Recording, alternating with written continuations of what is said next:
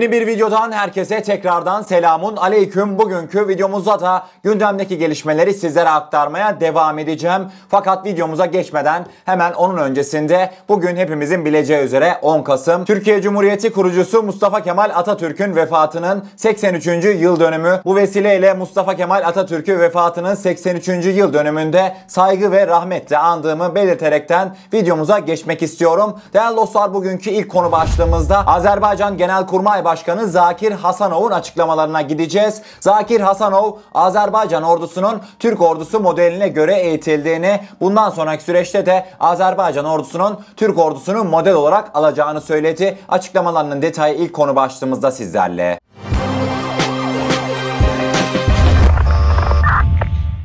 Azerbaycan Savunma Bakanı Zakir Hasanov, Milli Savunma Bakanı Hulusi Akar'la birlikte Zafer Günü dolayısıyla Azerbaycan'da gazetecilerle bir araya geldi. Akar ve Hasanov, Haydar Aliyev merkezine düzenlenen ortak basın toplantısında gazetecilerin sorularını yanıtladı. İkinci Karabağ Savaşı'nda Azerbaycan'a gösterdiği siyasi ve manevi desteğinden dolayı Türkiye'ye teşekkür eden Hasanov, Başkomutan İlham Aliyev'in liderliğindeki Azerbaycan ordusunun 44 gün süren savaşta yüksek profesyonellik gösterdiğini kaydetti. Türk Silahlı Kuvvetleri ile yapılan ortak tatbikatlara değinen Bakan Hasanov bu yöndeki çalışmaların devam edeceğini belirterek Azerbaycan ordusunun çoğu Türk Silahlı Kuvvetleri'nin merkezlerinde eğitim aldı. Bildiğimiz gibi Türk Silahlı Kuvvetleri dünyanın en güçlü ordularından birisi. Milletimiz, dinimiz, dilimiz, medeniyetimiz birdir. Biz bu şansı kullanarak Türk Silahlı Kuvvetleri'nin tecrübesinden başarılı bir şekilde faydalandık ve buna devam ediyoruz ifadelerini kullandı. Cumhurbaşkanı İlham Aliyev'in talimatıyla Azerbaycan ordusunu Türk Silahlı Kuvvetleri'nin modeline uygun düzenlemeye devam ettiklerini ifade eden Hasanov,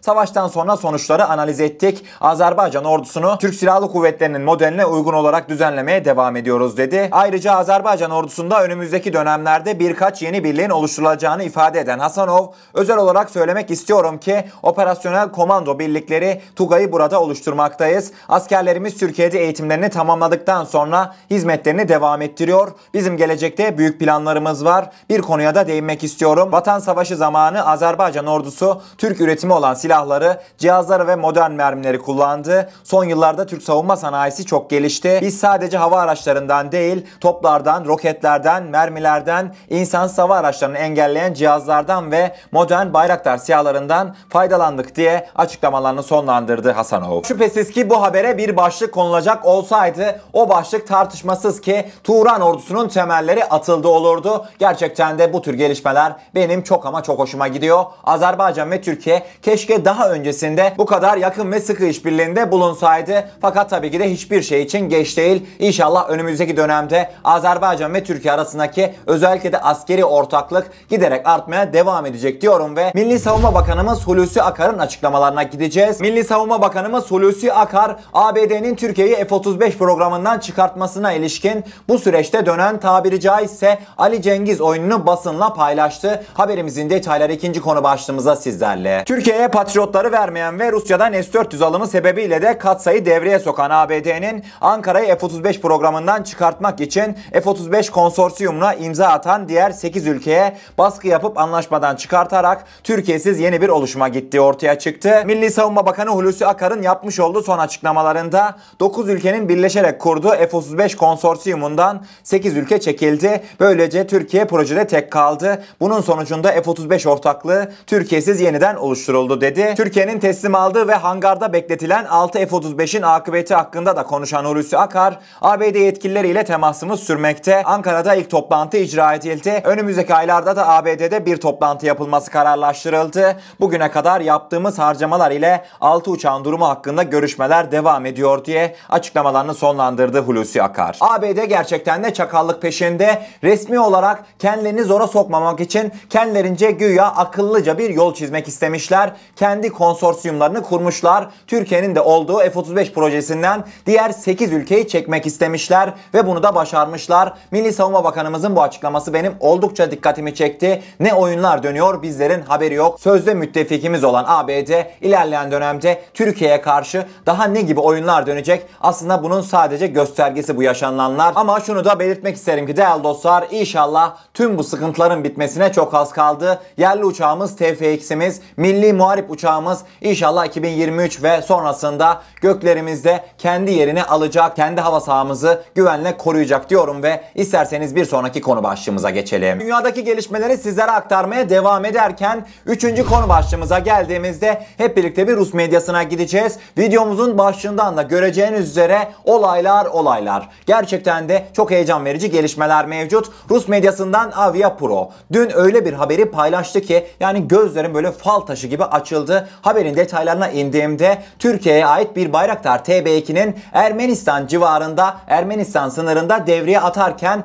bir anda kararını değiştirip Ermenistan hava sahasından tamı tamına 10 kilometre içeriye kadar girdiğini Rus medyası duyurdu. Bu ilginç gelişmenin detayları şu an sizlerle. Metni aynen Rus medyasında olduğu şekliyle sizlere aktaracağım. Rus medyasından Avia Pro, Türk İnsan Hava Aracı Bayraktar TB2 Ermenistan hava sahasını 10 kilometre işgal etti diye başlık attı. Haberin detaylarında Ermenistan sınırına yakın Türkiye topraklarında keşif yapan Türk taarruzu insan hava aracı Bayraktar TB2 Ermenistan hava sahasını ihlal ederek yaklaşık 10 kilometre derinleşti. Drone yaklaşık olarak Ermenistan'ın Kokbavan köyü bölgesinde faaliyet gösterdi. İnsan hava aracının Ermenistan hava sahasını serbestçe ihlal ettiği bilinmekte. Aynı zamanda savaşçıları gökyüzüne yükseltme veya davetsiz bir drone'a ateş açma hakkında bilgi açıklanmadı. Ancak drone'un uçuşuna devam ettiğine bakılırsa drone'u etkisiz hale getirmek Ermeni kuvvetlerince pek de mümkün değildi dedi Rus medyası. Haberin detaylarında son olarak da Türk tarafı Ermenistan hava sahasının ağır ihlaliyle ilgili henüz resmi bir yorumda bulunmadı. Ankara ve Bakü'den gelen bir dizi provokatif açıklama dikkate alındığında Ermenistan, Türkiye ve Azerbaycan arasında yeni çatışma riski çok yüksek. Bu bölgede Türk ordusunun dikkatini tam olarak neyin çekmiş olabileceği bilinmemekte. Daha öncesinde de Türk medyasında Türkiye'nin Ermenistan'ın batı sınırına yeni bir hava savunma sistemi yerleştirdiğine dair haberler çıkmıştı diyerekten Rus medyası bu dikkat çekici haberini sonlandırdı. Rus medyasındaki bu dikkat çekici haberin detaylarına hep birlikte göz attık. Fakat haberde benim dikkatimi çeken iki tane cümle bulunmaktaydı. Onlardan ilki Türk siyasi Bayraktar'ın uçuşuna bakılacak olursa Ermeni kuvvetlerinin onu engellemesi imkansızdı diye Rus medyası belirtmiş. Gerçekten de o kadar gurur verici bir cümleydi ki. Yani Rus medyası rahat bir şekilde dile getirmiş ki Türklere ait Bayraktar TB2'ler kafasına nasıl eserse Ermenistan hava sahasına giriyor çıkıyor. Fakat Ermenistan'ın elinden hiçbir şey gelmediğinden dolayı sadece izlemekle yetiniyor diye bu konuları aslında pek de sorgulamamak gerekiyor değerli dostlar. Türk derin devlet aklı yine bir şeylerin peşinde. Bakalım Ermenistan sınırında neler yaşanacak? Hep birlikte merakla bekleyeceğiz. Önemli bir gelişmeyi de sizlerle paylaşmak istedim. Günün gelişmelerinin yavaş yavaş sonuna doğru yaklaşırken dördüncü konu başlığımıza geldiğimizde hep birlikte bir Fransa'ya gideceğiz. Fransa kaşınıyor. Hatırlarsak değerli dostlar geçtiğimiz sene yaz aylarında Fransız donanması sözde Yunanistan ve Güney Kıbrıs Rum yönetimine destek amacıyla amiral gemisi Charles de Gaulle'ü Doğu Akdeniz'e göndermişti. Sonrasında ağzının payını alınca Fransız amiral gemisi böyle arkasına bakmadan hemen oradan topuklamıştı. Fransa'dan yeni gelişmeler mevcut. Fransa donanmasının en modern fırkateynlerinden bir tanesini Doğu Akdeniz bölgesinde Yunanistan ve Güney Kıbrıs kesimine destek olmak ve istihbarat faaliyetleri yürütmesi için Doğu Akdeniz'e gönderecek. Haberimizin detayları şu an sizlerle. Doğu Akdeniz'de geçen sene yaşanan kriz sırasında amiral gemisi Charles de Gaulle'ü bölgeye gönderen Fransa yine provokatif bir adımla Fransız donanmasının en modern fırkateynlerinden bir tanesini Güney Kıbrıs Rum yönetimine destek amacıyla gönderdi. Geçen seneki gerilimin ardından Yunanistan'la savunma paktı imzalayan ve ülkeye Rafael savaş jetleri satan Macron yönetimi Kıbrıs Rum yönetiminin Fransa'nın bölgedeki en önemli ortaklarından birisi olduğunu söyleyen geminin kaptanı Paul Vignas Fransız donanmasına ait geminin 150 kişilik mürettebatıyla birlikte Ocak ayına kadar Doğu Akdeniz'de kalacağını ve istihbarat toplama faaliyeti gerçekleştireceğini bildirdi. Madem ki siz Fransa olarak Doğu Akdeniz'e hemen burnumuzun dibine sözde istihbarat faaliyetlerini yürütmesi için kendi geminizi gönderdiniz. O zaman ben de şunu söylemek istiyorum. Bundan sonra yaşanılacak hiçbir gelişmeden Türk Deniz Kuvvetleri hiçbir şekilde sorumlu olmayacaktır. Madem ki Fransa olarak burnumuzun dibine kadar geldiniz o zaman oruç reisi tutabilene aşk olsun. Fransızlar bir kere daha ağzının payını alıp tekrardan Fransız limanına doğru kendi gemilerini yanaştıracaklardır. Bundan şüpheniz olmasın diyorum ve 5. konu başlığımıza geldiğimizde hep birlikte bir terör örgütü PKK YPG'nin sözde komutanlarından olan Mazlum Abdi'nin Türkiye'nin Suriye operasyonuna ilişkin yapmış olduğu açıklamalara uzanacağız. Türkiye'nin olası Suriye operasyonuna karşın Rusya ve ABD'nin YPG'ye bir destek verdiğini fakat pratikte Türk ordusunu ne kadar engelleyebileceklerini bilemediğini söyledi Mazlum Abdi. Haberimizin detayları şu an sizlerle. Terör örgütü YPG SDG'nin sözde komutanı olan Mazlum Abdi, Türkiye'nin operasyon yapmaması konusunda ABD ve Rusya bize talimat verdi. Pratikte ise Türk ordusuna karşı ABD ve Rusya'nın ne kadar engel olabileceği bir soru işareti dedi. Şam'la ciddi bir müzakere şu anlık söz konusu değil dedi. Esad yönetimiyle bazı temaslar oldu fakat müzakereye dönüşmedi dedi. Son olarak da Mazlum Abdi Esad yönetimine ilişkin kendileri devlet içerisinde başka devlet veya ordu istemiyor. Bizim projemiz özerklik. Şam'ın ön şartı Suriye'nin bölünmez bütünlüğü. Bu konuda güvence istiyorlar. Güvence vermeye hazırız. Fakat onlar da özellikle müzakere etmeye hazır olmalılardır diye açıklamalarını sonlandırdı terörist elebaşı. Terörist elebaşının saçma sapan açıklamalarını hep birlikte gördük. Fakat benim dikkatimi çeken bir detay mevcuttu. Bu haberi aslında kimin gözüne sokmamız lazım biliyor musunuz? Affedersiniz kusura bakmayın. Hani bizim içimizde bir kesim var ya. Diyorlar işte Suriye'de ne işimiz var arkadaş? Suriye'de Türk askeri ne yapacak? Orada askerlerimiz niye nöbet tutuyor? Suriye'de bizim ne işimiz var diyen bir kitle var ya. İşte bu haberi onlara göstereceksin. Adam açık açık belirtmiş. Biz Suriye'de kendi özerk onların deyimiyle bir bölgemiz oluşturacağız. Kendi Kürt devletimizi orada kuracağız. Hemen Türkiye sınırına adamlar kendi devletçiklerini, sözde devletçiklerini kurmayı düşünüyorlar ve bunu açık bir şekilde dile getirirken neden aramızdaki sözde Türkiye Cumhuriyeti vatandaşları halen nasıl oluyor da böyle bir gerçeği görmemezlikten gelebiliyorlar. Gerçekten de yani sinirlendim. Terörist elebaşının açıklamaları bu şekilde ortada. Kendi içimizde de böyle bir durumun oluşması gerçekten de beni oldukça üzüyor. Bize bizden başka kimsenin zararı dokunmaz. Aynı şekilde de bize bizden başka kimsenin faydası da dokunmaz. Benim ana mentalitem budur. Bu konuya ilişkin yorumlarda düşüncelerinizi belirtebilirsiniz değerli dostlar. Aslında bugünkü haberlerimizin sonuna geldik. Fakat hemen böyle videoyu bitirmeden araya böyle Mısır Dışişleri Bakanı Şükrü'nün Türkiye ilişkin saçma sapan yapmış olduğu ifadeleri de sıkıştırmak isteyeceğim.